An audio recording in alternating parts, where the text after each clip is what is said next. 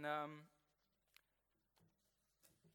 het is zo bijzonder hè, dat we hier zijn en zo kunnen aanbidden op deze plek zoals we dat hier mogen doen. Als je ook misschien kan beseffen dat heel veel mensen dat in de wereld helemaal niet, niet eens, zo, kunnen. Heel veel mensen kunnen Jezus misschien helemaal niet aanbidden in het on public zoals wij dat doen, in het openbaar. Hem groot maken omdat ze worden onderdrukt. En ik vind het zo bijzonder dat wij dat kunnen doen en dat we het worship team hebben. Ook al lijkt het misschien helemaal niet zoals het normaal is, weet je wel, met een drummer, met een pianist, helemaal op en top. Maar het gaat uiteindelijk om je hart. En Jezus en God de Vader zien je hart en daar gaat het om. En waarom ik ze wil bedanken is omdat zij ons iedere keer weer leiden naar die plek. Dat zij ons leiden naar die troonzaal waar we God mogen ontmoeten, waar we Jezus mogen ontmoeten. En dat vind ik bijzonder en ehm, dat waardeer ik enorm. Dankjewel. Wat is het leuk om hier te zijn, om al jullie gezichten te zien. Ik heb er echt mega veel zin in. Ik heb echt eh, al denk ik zeker een jaar heb ik niet gepreekt. Dus ehm, straf me niet te veel af. maar eh, het gaat goed worden. En ehm, ik heb iets moois ontvangen, geloof ik, wat ik vandaag met jullie, eh, met jullie mag gaan delen. Ik zie dat er hier ehm, ja, heel veel mensen zijn die ik die ken, maar ik zie ook een aantal mensen die ik nog niet heb gezien. En ik weet niet hoe het met jullie is, zit, maar ik vind het altijd heerlijk om hier te komen. Het is één keer in de maand dat ik hier ben. Eh, misschien soms vaker omdat ik ook in de zonnedienst ben, maar hier echt specifiek in de blok ben ik misschien maar één keer in de maand. En ik vind het echt een geweldige plek. En ik wil tegen je zeggen, dit is echt de beste plek die je kan uitkiezen op je zaterdagavond. Echt waar. Waarom? Omdat dit een plek is waar jij jezelf mag zijn. En dat zeggen we vaak, maar oprecht, ik meen het met mijn hart dat dat zo is. Met al je flaws, met al je, met al je goede kanten. Maar dat jij jezelf mag zijn, dat dit een veilige plek is waar je dat mag doen. En het voorbeeld wat ik wil nemen is, ik belde van de week met mijn zusje heel even. En ehm, zij stuurde eerder op die dag stuurde ze een berichtje in onze familie-app. We hebben een familie-app waar we met elkaar in zitten. En ze stuurde daarin, jongens, ik ben net uit mijn bed getild. Uit mijn bed getild? Ik schrok helemaal, ik zag, zag het berichtje niet helemaal. Ze werd uit de bed getild door de politie. Politie om half zes ochtends stonden de politiemannen bij haar aan de deur. En ze werd naar beneden gehaald, om, ehm, ze woont eh, in Rotterdam. En ze werd naar beneden gehaald omdat er in haar auto was ingebroken. Iemand had Timberlands in haar auto zien liggen en die dacht, die moet ik hebben. Dat zijn zo, zulke mooie paar, paar schoenen, die moet ik hebben. En mijn zusje had de autodeur, de portier zeg maar, had ze niet helemaal goed dicht gedaan. Dus die man had met geweld, had hij die opengemaakt. Was verder geen schade aan die auto, helemaal niet. Geen ruit gebroken waarvan je zou denken, hè, als ze een auto inbreken, dat ze een ruitje doortikken. Maar hadden ze helemaal niet gedaan. En ik vroeg aan mijn zusje, heb je dan iets van verzekeringswerk of dingen die je moet opruimen? Nee, helemaal niet. Er was geen schade, dus dat was helemaal niet aan de orde. Maar later vertelde ze tegen me, Jay, die man heeft in mijn auto ingebroken en het maakt me helemaal niet uit dat, er, dat hij misschien mijn Timberlands had eh, gestolen. Maar wat ik echt nu ervaar, is dat er iemand in mijn veilige zone is gekomen. Iemand heeft mijn plekje eigenlijk, mijn veilige auto waar ik in rij, mijn plekje, die heeft hij benaderd. En elke keer als ik nu mijn auto instap, denk ik, ah, er heeft iemand in mijn auto gezeten. Hè, en het is niet in je woning, zoals misschien dat je veilige plek kan zijn, maar mijn zusje ervaarde het zo bij haar auto. En zo wil ik tegen je zeggen dat misschien jij in relaties een deuk hebt opgelopen in die veiligheid, of misschien met mensen om je heen die je hebben beschadigd. Maar ik geloof echt dat je hier herstel kan vinden. Niet vanwege ons, omdat wij allemaal perfect zijn, want wij zijn mensen. We maken fouten, maar omdat Jezus hier is. En bij God is het veilig en hoef je volledig, of hoef je helemaal niet bang te zijn. En ehm, in mijn voorbereiding moest ik hier echt aan denken. Wees niet bang. En dan denk je misschien, oké, wees niet bang. Bang waarvoor dan? Precies. Hoor ik je misschien eigenlijk ook al wel denken. Ergens bang voor zijn is natuurlijk helemaal niet iets positiefs. Als een kind misschien angstig is of eh, bang voor iets, dan is dat vaak niet iets positiefs. Maar ik het, ontving het als in bang zijn om Jezus te volgen. En ik wil tegen je zeggen, wees niet bang om Jezus te volgen. Want bij Hem is het veilig. Maar volgen, wat, wat houdt het nou precies in? Als ik hier naar rechts loop, dan gaan jullie ogen niet naar rechts, maar naar links. Maar je volgt me dezelfde richting op. Als ik nu naar links loop, gaan je ogen naar rechts. Maar als iemand achter me aan zou lopen, loopt diegene mij na. Hij volgt me. Als ik dan naar links ga, gaat die persoon naar links. Als ik dan naar rechts ga, gaat die persoon naar rechts. En ik geloof zo dat wij ook bij Jezus mogen volgen. Maar waar naartoe dan zou je zeggen? Althans, die vraag die had ik wel voor mezelf. Wees niet bang om Jezus te volgen, maar waar naartoe dan? En ik zeg het je, naar het beloofde land. Beloofde land wat Hij voor jou heeft. Hij heeft namelijk het beloofde land aan ons beloofd. Pak je dat? Amen? Kan ik een amen horen? Het beloofde land is voor ons. En misschien uh, denk je, het beloofde land is voor mij. Hangt dat niet ergens vanaf? Moet ik dan iets doen? En hoe ziet dat beloofde land er dan eigenlijk uit? Is dat mooi? Is dat veilig? Of niet? Maar laat me zeggen wat de Bijbel erover zegt. De Bijbel zegt dat het overvloeit en overvloeiend is van melk en van honing. Amen? Ik hoor al een slurp. En ik heb even opgezocht melk en honing. Waarom werd nou specifiek daar in dat verhaal melk en honing benoemd? ik heb helemaal niet de Bijbelse uitleg eigenlijk opgezocht. Misschien staat er Bijbels ook iets voor. Maar even gewoon wat ik Google vond. Het googelen is tegenwoordig gewoon volgens mij eigenlijk een werkwoord. Maar daar stond dat melk is een basisproduct. Ook in die tijd was het een basisproduct. zoals we hier in Nederland uh, leven, we hebben mega veel koeien. Ik weet niet hoeveel, volgens mij echt ontelbaar. En Nederlanders houden ervan om melk te drinken. Klopt dat? Amen. Een koud glaasje melk s'avonds bij je avondeten. Of misschien op een ander moment. Maar Nederlanders houden ervan om melk te drinken. Mijn vader die deed dat altijd. En hij dronk melk gewoon bij zijn avondeten. En dan zelfs, en dat vond ik echt nog misschien wel het smerigste, dat deed hij dan als we patat hadden besteld. Patat met een lekker snackie, nam hij dan een koude glas melk bij. En misschien stel ik nu wel hartstikke veel mensen voor hun hoofd, maar melk was een basisproduct. Net zoals dat hier in Nederland voor ons ook zo is en waar we van genieten. En aan de andere kant is honing is een luxe product. Was helemaal niet makkelijk verkrijgbaar in die tijd. En zoals in dat verhaal wat wij lezen zometeen, staat er dus melk en honing, was het nodige was er aanwezig en het luxe was er aanwezig. Het was er allebei. En waar melk en honing nog meer voor staat is, melk is een afkomstig product, een product wat afkomstig is van dieren, toch? Van koeien, waar ik het net ook al over had. Heel simpel, afkomstig van dieren. En honing is afkomstig van planten. Allebei dieren en planten waren aanwezig. Nu, ik zie allemaal afgronsende gezichten. Honing van planten? Ja, honing van planten. Ik, ik dacht ook echt van, ja, dit, klopt niet, weet je wel. Van bijen, dat zijn dieren, dat, komt van dieren vandaan. Maar hoe wordt honing gemaakt? Honing komt oorspronkelijk van een bloem vandaan, die de bij daaruit haalt, en dat is nectar. En vervolgens wordt er honing van geproduceerd. Dus deze waren allebei beschikbaar. Beide, de dieren en de planten. Klinkt goed toch? Allebei waren aanwezig in dit land. Het beloofde land. Hè? En het beloofde land is in dit geval een metafoor want het beloofde land is niet letterlijk een land waar ik over ga spreken, waar je in mag gaan. Oh, hij viel. hij landde. Maar het is een metafoor en ehm, allebei waren aanwezig hier. Een land, een metafoor waar je dus volledig van kan genieten. Van de basisdingen en alle luxe dingen. En waar je kan ontspannen van al het overvloedige dat aanwezig is. Zo is het leven met God. Amen. Amen. Amen. Maar heb je dat ook echt voor ogen? Heb je voor ogen dat dat het leven is wat God voor jou heeft? Dat het het leven is waar je dus vol kan genieten van de basisdingen, van alle luxe dingen. En kan ontspannen van het overvloedige dat aanwezig is. Aan het overvloedige dat Hij aan jou wilt geven. Kijk je zo, kijk je met die ogen dat, dat God dat voor jou heeft. Want God leidt je niet ergens uit. God leidt je niet uit Egypte hè, om je in het midden maar te laten. Maar God leidt je ergens uit om je uiteindelijk ergens in te laten gaan. In het beloofde land. En ik wil samen met jullie op reis gaan ontdekken hoe je nou het beloofde land in kan gaan. En ik wil met jullie lezen in nummer 13. Yes, bring it on.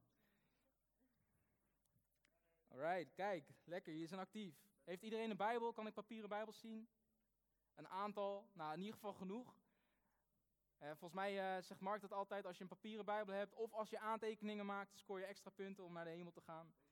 Bonuspunten. Wie heeft er een uh, schrift bij waarmee je aantekeningen maakt? Zie ik ook, supergoed, want die zal je nodig hebben. Neem je telefoontje anders bij de hand. En uh, dan ga ik lekker lezen in nummer 13. Waar ik mee wil beginnen, ik ga niet heel het verhaal lezen, want dan zijn we ongeveer 33 uh, eh, versen verder. Maar in vers 2 staat er, de Heere sprak tot Mozes. En hij zei, stuur mannen voor u uit om het land te verkennen dat ik, dat ik, God, aan de Israëlieten zal geven. Hij geeft eigenlijk aan dat ze alleen maar het land moeten gaan verkennen, maar dat ze verder niks hoeven te doen dan alleen verkennen en dat God het automatisch aan ze zal geven, toch? Dat is wat hier staat. Zo is het ook bij ons. En wat lezen we verder? In nummer 13, vers 28, die mag je wel lezen. Het volk echter, dat, dat zeggen, dit zeggen de mensen, de tien verkenners die eigenlijk ongeloof hadden. Daar komen we later op terug. Het volk echter dat in dat land woont, is sterk. En de steden zijn versterkt en heel groot. En ook hebben wij daar nakomelingen van Enak gezien. Oftewel reuzen. Tam, tam, tam. Waar ik nu wil kijken is wat nou het verschil is tussen deze tien verkenners die dit zeggen en de andere twee verkenners die iets anders zeggen. Want het waren twaalf verkenners in totaal, zoals je misschien wel weet. Twaalf verkenners, ieder uit één stam, die werden uitgekozen door Mozes, waarvan die de, het land moesten gaan verkennen. En de tien verkenners, zoals we hier eigenlijk lezen, zij waren bang. En de twee verkenners waren niet bang en zelfverzekerd. Zij vertrouwden op de Here. En deze mannen werden Caleb en Hosea genoemd, ook wel Jozua, die later Mozes opvolgde. En ik wil je laten zien wat het verschil is tussen wat deze twee mannen, Caleb en Jozua, deden in vergelijking met die andere tien verkenners. En vier dingen heb ik daaruit gehaald. Schrijf ze alvast op en dan ga ik ze allemaal één voor één langs. Eén is, focus je op wat God zegt en niet op de omstandigheden. Het tweede is, heb geloof en geen ongeloof. Het derde is, heb relatie in plaats van intimidatie. En het vierde is, heb een Gods zelfbeeld in plaats van een sprinkhanenmentaliteit.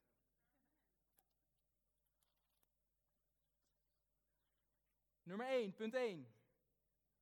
Focus op wat God zegt in plaats van wat focussen op de omstandigheden. Ik heb me opgeschreven als wat de tien verkenners deden en wat de twee verkenners deden. Focussen op de omstandigheden versus focussen op wat God zegt.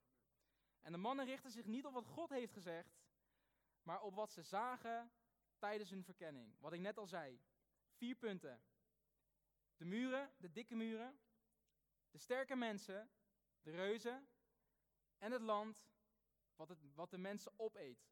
Ik heb hem opgeschreven als het moeilijke landschap waar we niet doorheen kunnen komen. Iets waar je elke keer tegen aan zit te beuken of waar je het moeilijk mee hebt, maar je kan er niet doorheen komen.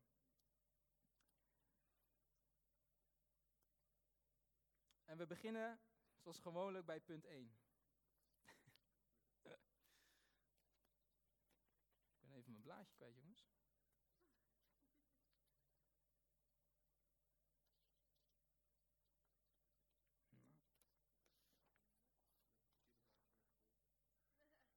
Ja, dat zou zomaar kunnen. Nee hoor. Focus op, op God en niet op de omstandigheden. En um, de mannen, wat ik net al zei, richten zich op wat God heeft gezegd, die twee verkenners. Maar de andere tien verkenners, die richten zich op wat God niet had gezegd, maar op deze omstandigheden die ik net benoemde. En Jozua en Caleb, en ook wij, mogen ons focussen op wat God zegt tegen ons. Op hetgene wat het tegenovergestelde is wat die tien verkenners dus deden. Niet op wat we zien, niet op onze omstandigheden of gebeurtenissen die er plaatsvinden. Maar juist op de dingen die God tegen ons zegt. En dan denk je, ja, maar wat spreekt God dan eigenlijk tegen mij? Dat is nou iets wat heel persoonlijk is. Ik kan niet zeggen wat God spreekt over jou of wat God zegt tegen jou. Maar ik kan je wel zeggen dat jij kan horen wat God tegen jou wilt zeggen. En wat we mogen doen is dat we onze geest en ons denken, zoals in Efeze 4, vers 23 staat. Het zijn twee verschillende dingen. Ik heb het altijd gelezen als we mogen ons denken vernieuwen. Maar er staat, in een andere vertaling staat, dat uw geest en uw denken voortdurend vernieuwd moeten worden. Dus de geest en dus het denken. In Romeinen 12, vers 2 staat namelijk, u moet uzelf niet aanpassen aan deze wereld waar we in leven, maar veranderen door de vernieuwing van uw gezindheid, uw denken, uw denkwijze, om te kunnen onderscheiden wat de goede, welbehagelijke en volmaakte wil van God is. En ergens staat dit er, maar is het helemaal niet iets wat passief is. Je kan niet passief blijven en je, vernieuwen, eh, je denken vernieuwen. Dat gaat, dat gaat helaas niet. Want hier staat, u moet uzelf niet aan deze wereld aanpassen, maar veranderen door de vernieuwing van uw denken. En ik geloof dat dat iets is van in actie komen. Dat je actief bezig moet zijn. Waar je je mee voedt, wat je bekijkt, met wie je optrekt, welke keuzes je maakt en waar je je mee voedt. Dus focus vooral daarop, want dan gaat ook je denken veranderen. En ik heb dit zelf regelmatig, dus even helemaal een zijspoor, we komen zo meteen, terug, zo meteen terug bij de preek. Ik heb dit zelf echt regelmatig bij een leugen waar ik in ben gaan geloven vanaf jongs af aan. Ik zat op de middelbare school en ik kreeg verkering met een meisje. Inmiddels ben ik getrouwd, dus dat doet er niet meer toe eigenlijk. Maar ik ga het verhaal vertellen om je duidelijk te maken wat ik wil zeggen. Ik werd verliefd op een meisje, wat van een echt een rijke afkomst was. En zij had het hartstikke goed thuis. En ik kwam uit een arm gezin, minder welvarend. Uit een donkere familie. Ik wist niet dat mensen ook zo konden kijken, maar goed, uit een donkere familie. En die man, de vader van dat meisje, zei tegen mij toen ik voor het eerst bij hun thuis kwam: Je bent van donkere afkomst en ik wil niet dat je met mijn dochter omgaat. Want je hebt niet genoeg. Je hebt haar niets te bieden. En inderdaad, dat deed pijn. Ik kan me niet meer herinneren wat me dat op dat moment deed. Maar wat ik wel weet is dat het iets is wat in mijn hoofd is geplant, in mijn hart werd geplant. En waar ik in ging geloven. Ik ging geloven dat ik pas succesvol zou zijn of goed genoeg zou zijn als ik veel geld zou hebben. Wat het natuurlijk helemaal niet waar is. Maar ik loop er nu nog soms tegenaan. Hè? Daar hebben we het over. Ik en mijn vrouw, lieve vrouw Fem. Dat ik dan tegen, tegen haar zeg: Schat, ik vind dit zo moeilijk. Ik heb nu een situatie. Ik had van de week bijvoorbeeld een aanbieding voor een shoot. Ik, ik doe ook wat shoots erbij, zeg maar, naast mijn fulltime job. En ik had een aanbieding en ik zou er echt mega veel geld voor krijgen. En ik zeg tegen haar: Ik vind dit zo moeilijk, want ik heb eigenlijk het gevoel dat ik het moet doen puur voor het geld. En alleen omdat ik dan denk dat ik dan succesvol ben. Dat ik je dan wat te bieden heb. Maar dat is een complete leugen. En wat ik dan doe, is dat ik dan eigenlijk ook nog eens denk, ik, ik moet bijvoorbeeld extra geld verdienen naast mijn normale baan. Bijvoorbeeld door te handelen, ik weet niet of jullie er bekend mee zijn, in cryptomunten. Kennen jullie dat?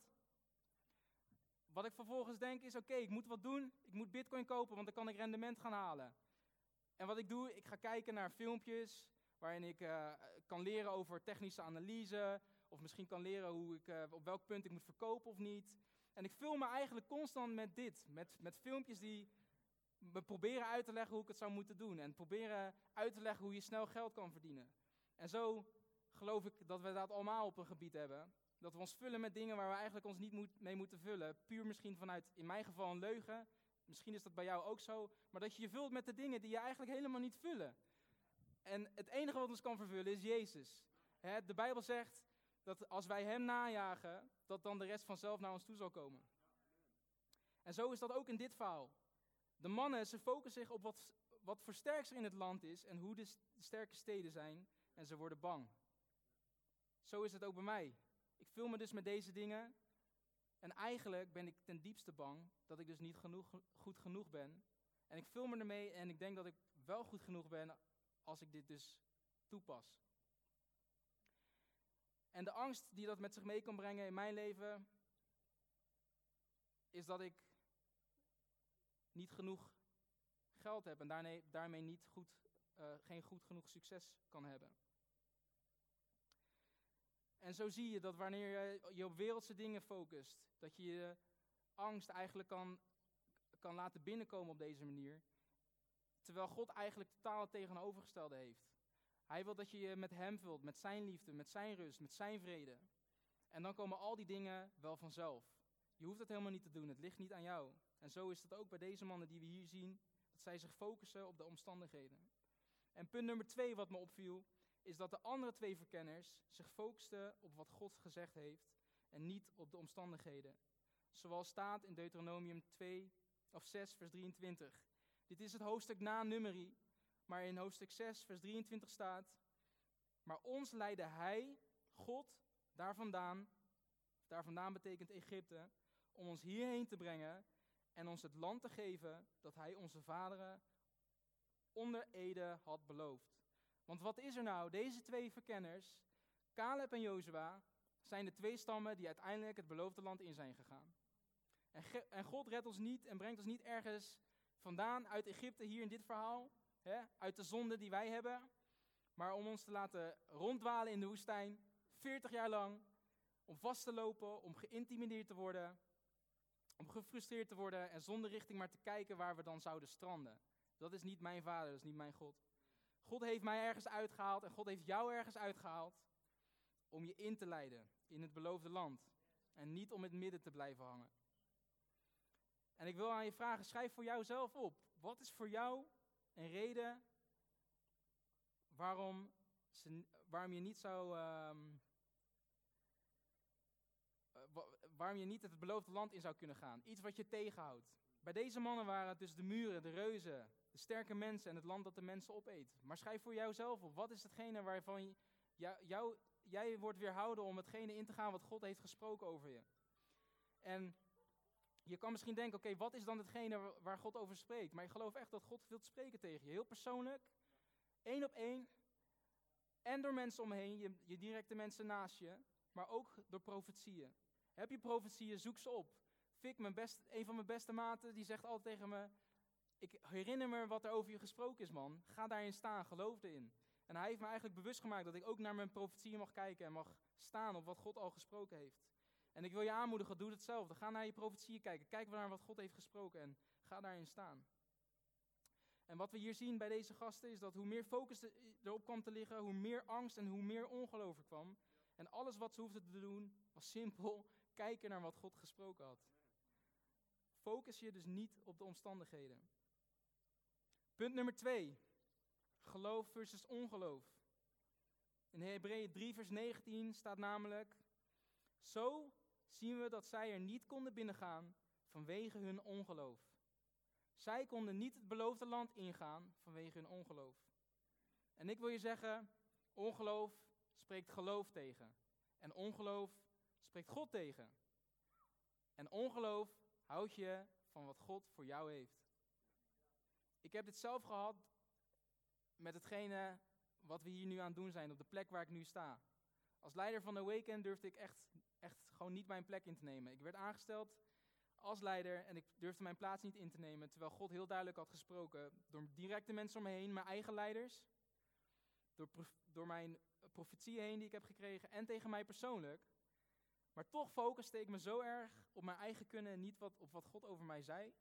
En dat was een zo'n pijnlijk proces. En nu sta ik hier en sta ik hier te preken en lijkt het allemaal fantastisch, maar het was echt moeizaam. Ik heb daar echt doorheen moeten gaan. En zo voelden eigenlijk die muren, zoals die mannen dat omschreven, die dikke muren voelden soms voor mij. Dat ik ergens naar binnen wilde gaan en wilde staan in wat God voor me had. Maar ik het eigenlijk niet durfde. Omdat ik keek naar mijn eigen kunnen, naar mijn eigen falen, naar de dingen die ik in het verleden heb gedaan. Maar dat ik echt mag staan in wat God spreekt. En dat Hij niet kijkt naar mijn verleden, naar mijn, mijn falen. En zo is dat ook bij jou.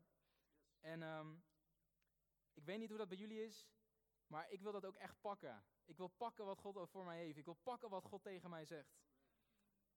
En in Filippenzen 4, vers 19, daar staat een tekst die mij zo aanspreekt. Dit zegt Paulus tegen de Filippenzen, maar ik heb tegen mezelf gezegd, ik wil deze tekst pakken voor mezelf. En ik wil dat jullie deze tekst ook opschrijven. En ik hoop echt dat je hetzelfde doet als ik, dat je deze tekst gaat pakken voor jezelf.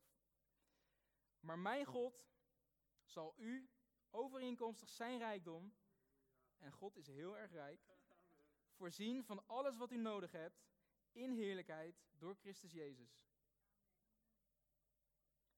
En ik weet niet, Edgar Holtger heeft ooit gepreekt, ik weet niet, misschien kennen jullie die preek wel, waarin hij preekte over een stukje waarin je iets kan pakken. En dat woord gebruikte hij, hij ging toen naar de grondtekst. Lambano. Grijp het, grijp ernaar. Want wat zegt de Bijbel? De, de geweldenaars grijpen ernaar. Lambano, pak het. Pak datgene wat God voor jou heeft. Pak datgene wat Hij spreekt. Ga daarin staan. En dan zal het naar je toe komen. Punt 3. Relatie versus intimidatie. De Bijbel laat zien in dit verhaal dat de twee verkenners vol geloof waren en de tien verkenners niet. In nummer 13, vers 30, zegt Caleb namelijk, waar hij op een gegeven moment het volk voor Mozes bracht en ze tot bedaren wilde brengen. En hij zei, laten wij vrijmoedig optrekken en wij zullen het land in bezit nemen en dan zullen we het zeker overmeesteren. Ik geloof dat dat het verschil is tussen intimidatie en tussen relatie. Dat wanneer je op Gods woord gaat staan, dat je in relatie leeft met Hem, dat je dan uiteindelijk het resultaat zal zien, dat je vrijmoedig zal zijn en vrijmoedig de dingen zal gaan doen die Hij voor jou heeft. Waar intimidatie is, is geen vrijmoedigheid, toch? Als je geïntimideerd wordt, dan word je eigenlijk een soort van klein. En ben je helemaal niet meer vrijmoedig om uit te gaan stappen wat God voor je heeft. Ik geloof echt dat dat een sleutel is die je ja, gewoon mag gaan toepassen. Dat je in relatie zal leven en dat daardoor intimidatie zal slinken. En dat zien we bij de tien verkenners niet. Zij waren bang, zij waren geïntimideerd en zij waren zonder geloof. En het grappige is dat iedereen weet welke twee verkenners die, die, uh, mannen zijn. Iedereen weet dat het Caleb en Jozua waren die het beloofde land in gingen. Ik vind dat zo grappig. Niemand weet wie die tien verkenners zijn. Tuurlijk hè, het is moeilijker om tien namen te onthouden dan twee. Dat begrijp ik. Maar niemand weet wie die tien verkenners nou eigenlijk zijn. In sommige vertalingen staat wel welke mannen het zijn. Dan wordt er genoemd welke mannen het zijn en bij welke stam ze horen. Maar uiteindelijk, los daarvan, weet iedereen wel wie het beloofde land in, in is gegaan. En dat zijn Caleb en Jozua. En ik geloof dat dat is omdat niemand de naam wilt onthouden van mensen die zeggen dat je iets niet kunt. Dat, je ongeloof hebt, dat die ongeloof hebben. Maar zeker wel van de mensen, de twee verspieders, die tegen je zeggen wat je wel kunt. En ik wil zo zijn. Ik wil in een relatie leven, gevuld zijn van Jezus en zeggen tegen mensen wat ze kunnen. Tegen mijn vrienden, tegen mijn uh, familie, tegen mijn kennissen, tegen mijn collega's en tegen later mijn kinderen. Willen jullie dat ook? Wil je ook zo leven? Wil je ook andere mensen bemoedigen? Wil je dat jouw naam onthouden wordt? Doe dat dan. En ik heb tegen mezelf gezegd toen ik dit las: Wauw, zo wil ik zijn. Ik wil echt zijn zoals die twee mannen. Ik wil zijn zoals die twee verspieders. Dat mijn naam onthouden. Niet om wat ik, wat ik doe in die zin, maar omdat ik andere mensen kan bemoedigen in plaats van naar beneden te halen. Maar tegelijkertijd ben ik zo vaak zoals die andere tien verkenners. Ik weet niet, misschien herken je er ook wel in, maar tegelijkertijd ben ik bang om te gaan evangeliseren. Ik leef in een relatie, maar ik ben bang om impact te hebben. Ik ben bang om naar buiten te gaan om te gaan evangeliseren. En ik ben bang om mijn hand op iemand te leggen die ziek is. Ik ben bang om te bidden on public voor iemand die het bijvoorbeeld moeilijk heeft. Vorige week kwam er een collega naar me toe, een jonge gast, hij is nog jonger dan ik en aangenomen. En hij vertelde tegen me, Jason, mijn vader, we zaten met z'n tweeën uh, zaten we zeg maar aan een tafel en hij zei tegen me, mijn vader, die heeft het echt moeilijk man. Mijn vader is namelijk uh, ziek. Mijn vader die heeft een tumor, een grote tumor. En er is waarschijnlijk huidkanker bij hem geconstateerd. En hij zei tegen me, hij moet naar het ziekenhuis en er worden twee stukken weggesneden bij hem uit zijn, uh, uit zijn huid en die zullen ze op kweek zetten. En dan gaan ze kijken of hij uiteindelijk kwaadaardige kanker heeft. En ik luisterde naar zijn verhaal, ik zat naast hem, ik was ontroerd, ik leefde met hem mee. Maar ik had niet het lef, ik had niet die vrijmoedigheid. Hè? Zoals ik zo bang kan zijn, wat ik net zei soms. Die vrijmoedigheid had ik niet om tegen hem te zeggen: hé hey man, ik ga naast je staan. Zullen we even een moment nemen om te bidden voor je vader? Ik geloof dat er een God bestaat die je vader kan genezen. Ik geloof dat er een God bestaat die je vrede en rust wilt geven over deze situatie. En in plaats daarvan deed ik helemaal niks. Ik hield mijn mond dicht. En ik ging later weg en ik ging naar huis en ik dacht: God, ik, ik hou zoveel van u. En tegelijkertijd durfde ik niet, dit niet. Wilt u mij alsjeblieft die vrijmoedigheid geven die u zoveel andere mensen geeft, zoals deze twee verkenners, dat ik juist daarin mag uitstappen en juist mag zeggen en spreken over uw woorden. Want God zegt in Johannes 14, vers 12, Voorwaar, voorwaar, ik zeg u, wie in mij gelooft, zal de werken die ik doe ook doen. En hij zal grotere doen dan deze, want ik ga heen naar mijn vader. Of een andere tekst in Marcus 16, vers 17 en 18. Degenen die tot geloof zijn gekomen, zullen herkenbaar zijn aan de volgende tekenen. In mijn naam zullen ze demonen uitdrijven. Ze zullen spreken in onbekende talen. Met hun handen zullen ze slangen oppakken. En als ze een dodelijk gif drinken, zal dat hun niet deren. En ze zullen zieken weer gezond maken door hun handen op te leggen. Wauw, dat wil ik man.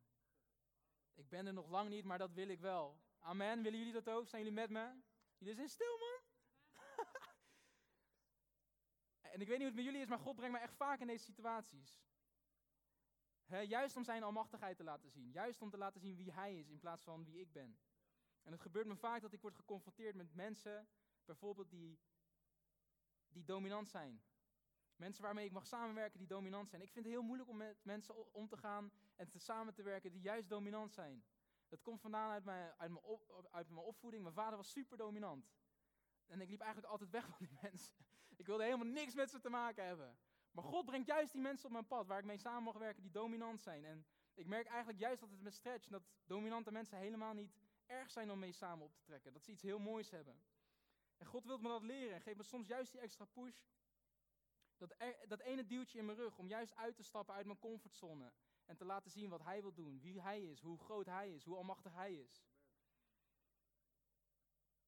En dit is een gestolen grap, maar misschien ken je hem en misschien ken je hem helemaal niet, maar ik wil hem toch even met je delen. En ik ga hem oplezen, want ik heb, ken hem niet helemaal uit mijn hoofd. Maar er was ooit eens een multimiljonair. En hij had een grote villa met ongeveer 5 hectare aan grond achter zijn woning. Hij had een zwembad zo groot als een Olympisch bad. En hij geeft een hele grote barbecue voor al zijn vrienden. Want hij had er echt mega veel. Hij is natuurlijk miljonair, dus iedereen wil te vriend zijn met hem. Met al zijn vrienden en met al zijn kennissen die bij hem in de buurt woonden. En die mensen die kwamen op zijn barbecue en ze liepen het grote land in. En ze hadden op een gegeven moment, zagen ze het zwembad. Ze keken elkaar allemaal aan en ze zeiden, wait a minute, wat gebeurt hier? Er zitten allemaal krokodillen in het zwembad. En ze vroegen aan die miljonair, waarom is het zwembad volledig gevuld met krokodillen? Kom aan, vertel het me. En de man zei, nou, de nummer één eigenschap die ik zo waardeer aan, aan mensen, is als ze moed vertonen, als ze moed hebben, als ze echte lef hebben. En de mannen keken elkaar vervolgens weer aan. En de man, de multimiljonair, vervolgde. Het is hier in deze regio algemeen bekend dat als er iemand in het zwembad springt en van de ene kant naar de andere kant zwemt, door de krokodillen heen, dat diegene hier direct een cheque wordt uitgeschreven van 1 miljoen.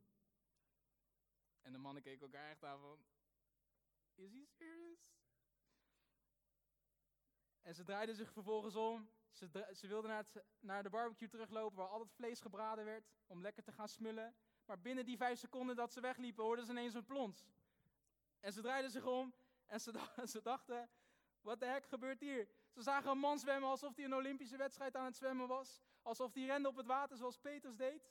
En, en ze draaiden zich om en ze keken en ze bleven vol verwondering staan.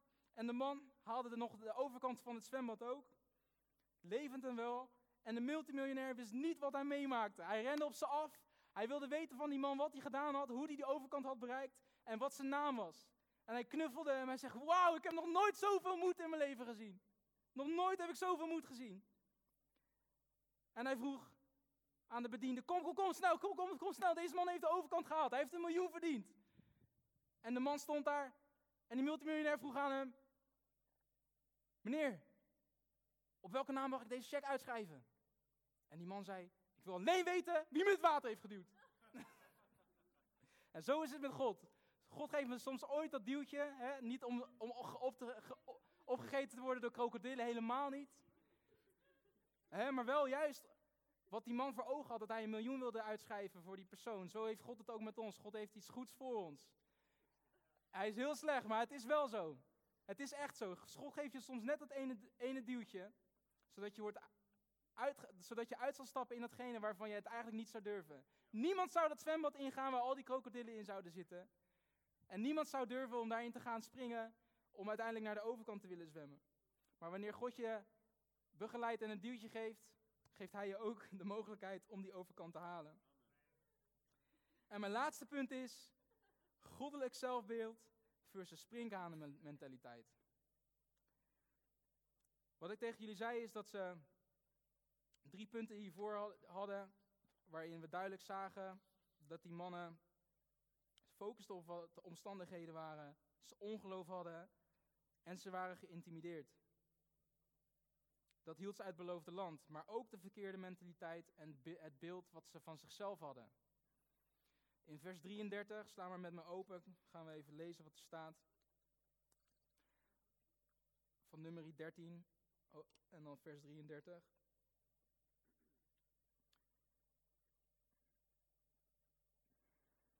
Iemand er is, mag je zeggen: Ik ben er. De meeste volgens mij, dan zal ik gaan lezen. Kijk. We hebben daar zelfs reuzen gezien, de Enakieten. En vergeleken bij ons is dat volk van reuzen, voelden wij ons maar niet de sprinkhanen. En veel meer zullen we in hun ogen ook niet geweest zijn. Ik geloof dat hoe jij jezelf ziet, bepaalt uiteindelijk zelfs hoe de vijand jou ziet. Zij zagen zichzelf hier als sprinkhanen. Niet als de mannen die uitverkozen waren om het beloofde land in te gaan. Niet als de verkenners die God had uitgekozen om het beloofde land in te gaan. Maar ze zagen hier, zichzelf hier als sprinkhanen. En um, ik heb het zelf ook gemerkt. Wanneer ik een laag zelfbeeld heb van mezelf, dan gaat de vijand daarmee akkoord. Hij zal het alleen maar willen bevestigen. Hij gaat je des te meer willen bevestigen in degene die jij eigenlijk niet bent. In hetgene wat God niet voor jou heeft. En het gaat zelfs nog dieper dan alleen met je eigen zelfbeeld. Want zoals hier staat, staat er, wij hebben daar zelfs reuzen gezien. En vergeleken bij ons, dus allebei in meervoud, keken ze eigenlijk ook zo naar elkaar. En niet alleen naar hunzelf. Ze keken zelfs naar de andere persoon die met ze mee zouden gaan, naar, naar hen alsof ze springkanen waren. Het is dus niet alleen naar hoe jij naar jezelf kijkt, maar het is net zoveel als hoe wij naar elkaar kijken. En um, als ik kijk naar jullie en ik jullie alleen maar als springkanen zie, als dat jij niet belangrijk bent of dat je niet sterk genoeg bent, je bent niet slim genoeg of je hebt me al zo vaak teleurgesteld, je hebt al zo vaak een fout gemaakt, jij komt nooit je afspraken na. Dan ga ik nooit de potentie zien die God in je heeft. En dan ga ik nooit in die eenheid leven zoals ik met jullie zou mogen leven. En ga ik je benaderen als een niet geschikt persoon. Eigenlijk als onbelangrijk, terwijl God zegt dat jij belangrijk bent. En ik wil juist diegene zijn, zoals ik eerder zei, dat, ik je kan opbouwen en op, uh, op kan bouwen en bemoedigen. En ik wil je aanmoedigen om dat op diezelfde manier te doen. Kijk dus naar jezelf niet als een springkamer, maar kijk naar jezelf als een geliefd kind van God. Die een relatie leeft met Hem. En kijk zo ook naar anderen. Want je kan hier zomaar zitten naast de nieuwe, vul het maar in. De nieuwe Cristiano Ronaldo, de nieuwe president, de nieuwe, vul het maar in, wie er naast je zou kunnen zitten. ik wil vragen of misschien de gitarist of iemand naar het podium kan gaan om muziek te spelen. Want we weten nu de verschillen tussen de focus leggen op de omstandigheden en het focus leggen op God. En we weten het verschil tussen ongeloof hebben of geloof hebben. En we weten het verschil wat het doet als we een relatie hebben of dat we ons laten intimideren. En als laatste ook hoe we naar onszelf kijken. Maar misschien ben je hier vanavond en heb je nog nooit in je leven gehoord over Jezus. Heb je nog nooit je hart aan Jezus gegeven. En misschien ben je hier zelfs vanavond en heb je niet de zekerheid van eeuwig leven in je hart. Misschien twijfel je daaraan.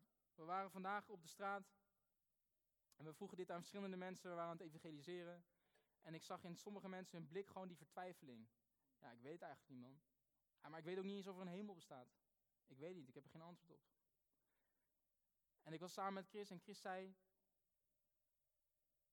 Ik vind het mooi, man, hoe eerlijk je bent dat je het niet weet. Maar ik wil je zeggen, ik weet het met zekerheid in mijn hart dat ik naar de hemel ga. En de Bijbel zegt, nu is de dag, nu is de dag van redding. Nu is de dag van jouw ommekeer, als jij niet gelooft in Jezus. Want de Bijbel zegt, alle mensen die hebben gezondigd. En ze missen daardoor de heerlijkheid van God in hun leven. En het loon dat de zonde geeft is de dood. Maar de genade die God geeft is eeuwig leven in Jezus Christus. Hij, onze Heer. En ik weet niet hoe je hier gekomen bent vanavond. Ik ken je situatie niet. Van de meesten natuurlijk wel. Wat vrienden van me zitten in de zaal. Maar ik weet niet of iedereen hier die zekerheid heeft. Ik weet niet of jij die zekerheid hebt. Maar ik heb wel goed nieuws voor je. Ik heb het antwoord en zijn naam is Jezus. Als jij niet zeker weet dat de hemel jouw thuis is, dan kan je, kan je hier op jouw stoel vanavond, kan jij je hart aan hem geven. Het enige wat hij nodig heeft, is een hart wat open is. Een nederig hart wat durft te zeggen ja. Ja, ik wil, ik wil Jezus volgen, ik wil voor u gaan. En misschien kunnen we een moment onze hoofden buigen en onze ogen sluiten om de gelegenheid te geven aan de mensen die Jezus nog niet kennen, nog niet hun hart hebben gegeven aan Hem, dat ze Hem kunnen ontvangen. En ik wil je vragen, is hier iemand vanavond die zegt, ja, dat wil ik. Ik wil mijn leven in orde maken met God, ik wil Hem volgen. misschien heb je nog nooit je leven aan Hem gegeven, nog nooit je leven aan God gegeven. En is dit de eerste keer dat je het evangelie, het goede nieuws hoort? Misschien heb je het al wel eerder gehoord, maar leef je niet meer met God en ben je een hele andere weg opgegaan met Hem. Betrek je Hem niet meer in je leven, betrek je Hem niet meer bij de dingen die je doet. Ik wil je zeggen, vandaag is de dag, vandaag is de dag van redding, vandaag is de dag van een nieuwe start met God. Als jij dat bent vanavond, dan wil ik graag dat je je hand opsteekt en zegt, ja, dat ben ik, dat gaat over mij, waar over wie jij het hebt. Mag ik je hand dan zien als jij dit wilt ontvangen? Niemand hoeft zich te schamen hier in deze zaal. De meeste van ons hebben ons hart al aan Hem gegeven, zoals we hier zitten. De meeste van ons hebben die keuze al een keer eerder gemaakt. God wil niet dat er een mens verloren gaat. Tegelijkertijd heeft Hij ook nodig dat je een ja tegen Hem zegt. Dat je je leven aan Hem wilt geven. Is er iemand die zegt, ik wil dat geschenk van eeuwig leven wil ik ontvangen?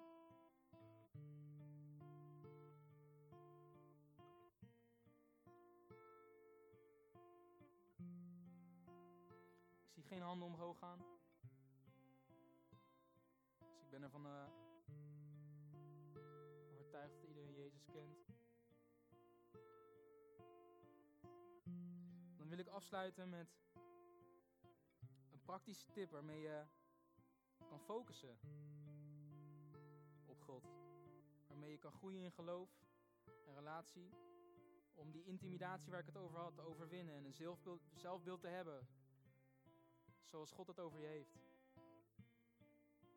Want wil jij meer van God zien? Aanbid hem dan in geest en in waarheid. Johannes, die zichzelf de geliefde noemt van Jezus, heeft volgens mij het antwoord. Hij benoemde dit in Johannes 4, vers 23. Maar de tijd komt en is er nu dat de ware aanbidders de Vader zullen aanbidden in geest en in waarheid. Want de Vader zoekt wie hem zo aanbidden. God aanbidden kan alleen natuurlijk als jij opnieuw geboren bent. Kan alleen als jouw geest wakker is gemaakt. De Bijbel zegt dat, de geest, dat het koninkrijk van God alleen zichtbaar is voor degenen die opnieuw zijn geboren. En zoals we hier allemaal zitten, zijn we dat. We zijn opnieuw geboren. We hebben de geest ontvangen. Niemand heeft zijn hand opgestoken. Daarom wil ik je zeggen, aanbid hem in geest en in waarheid.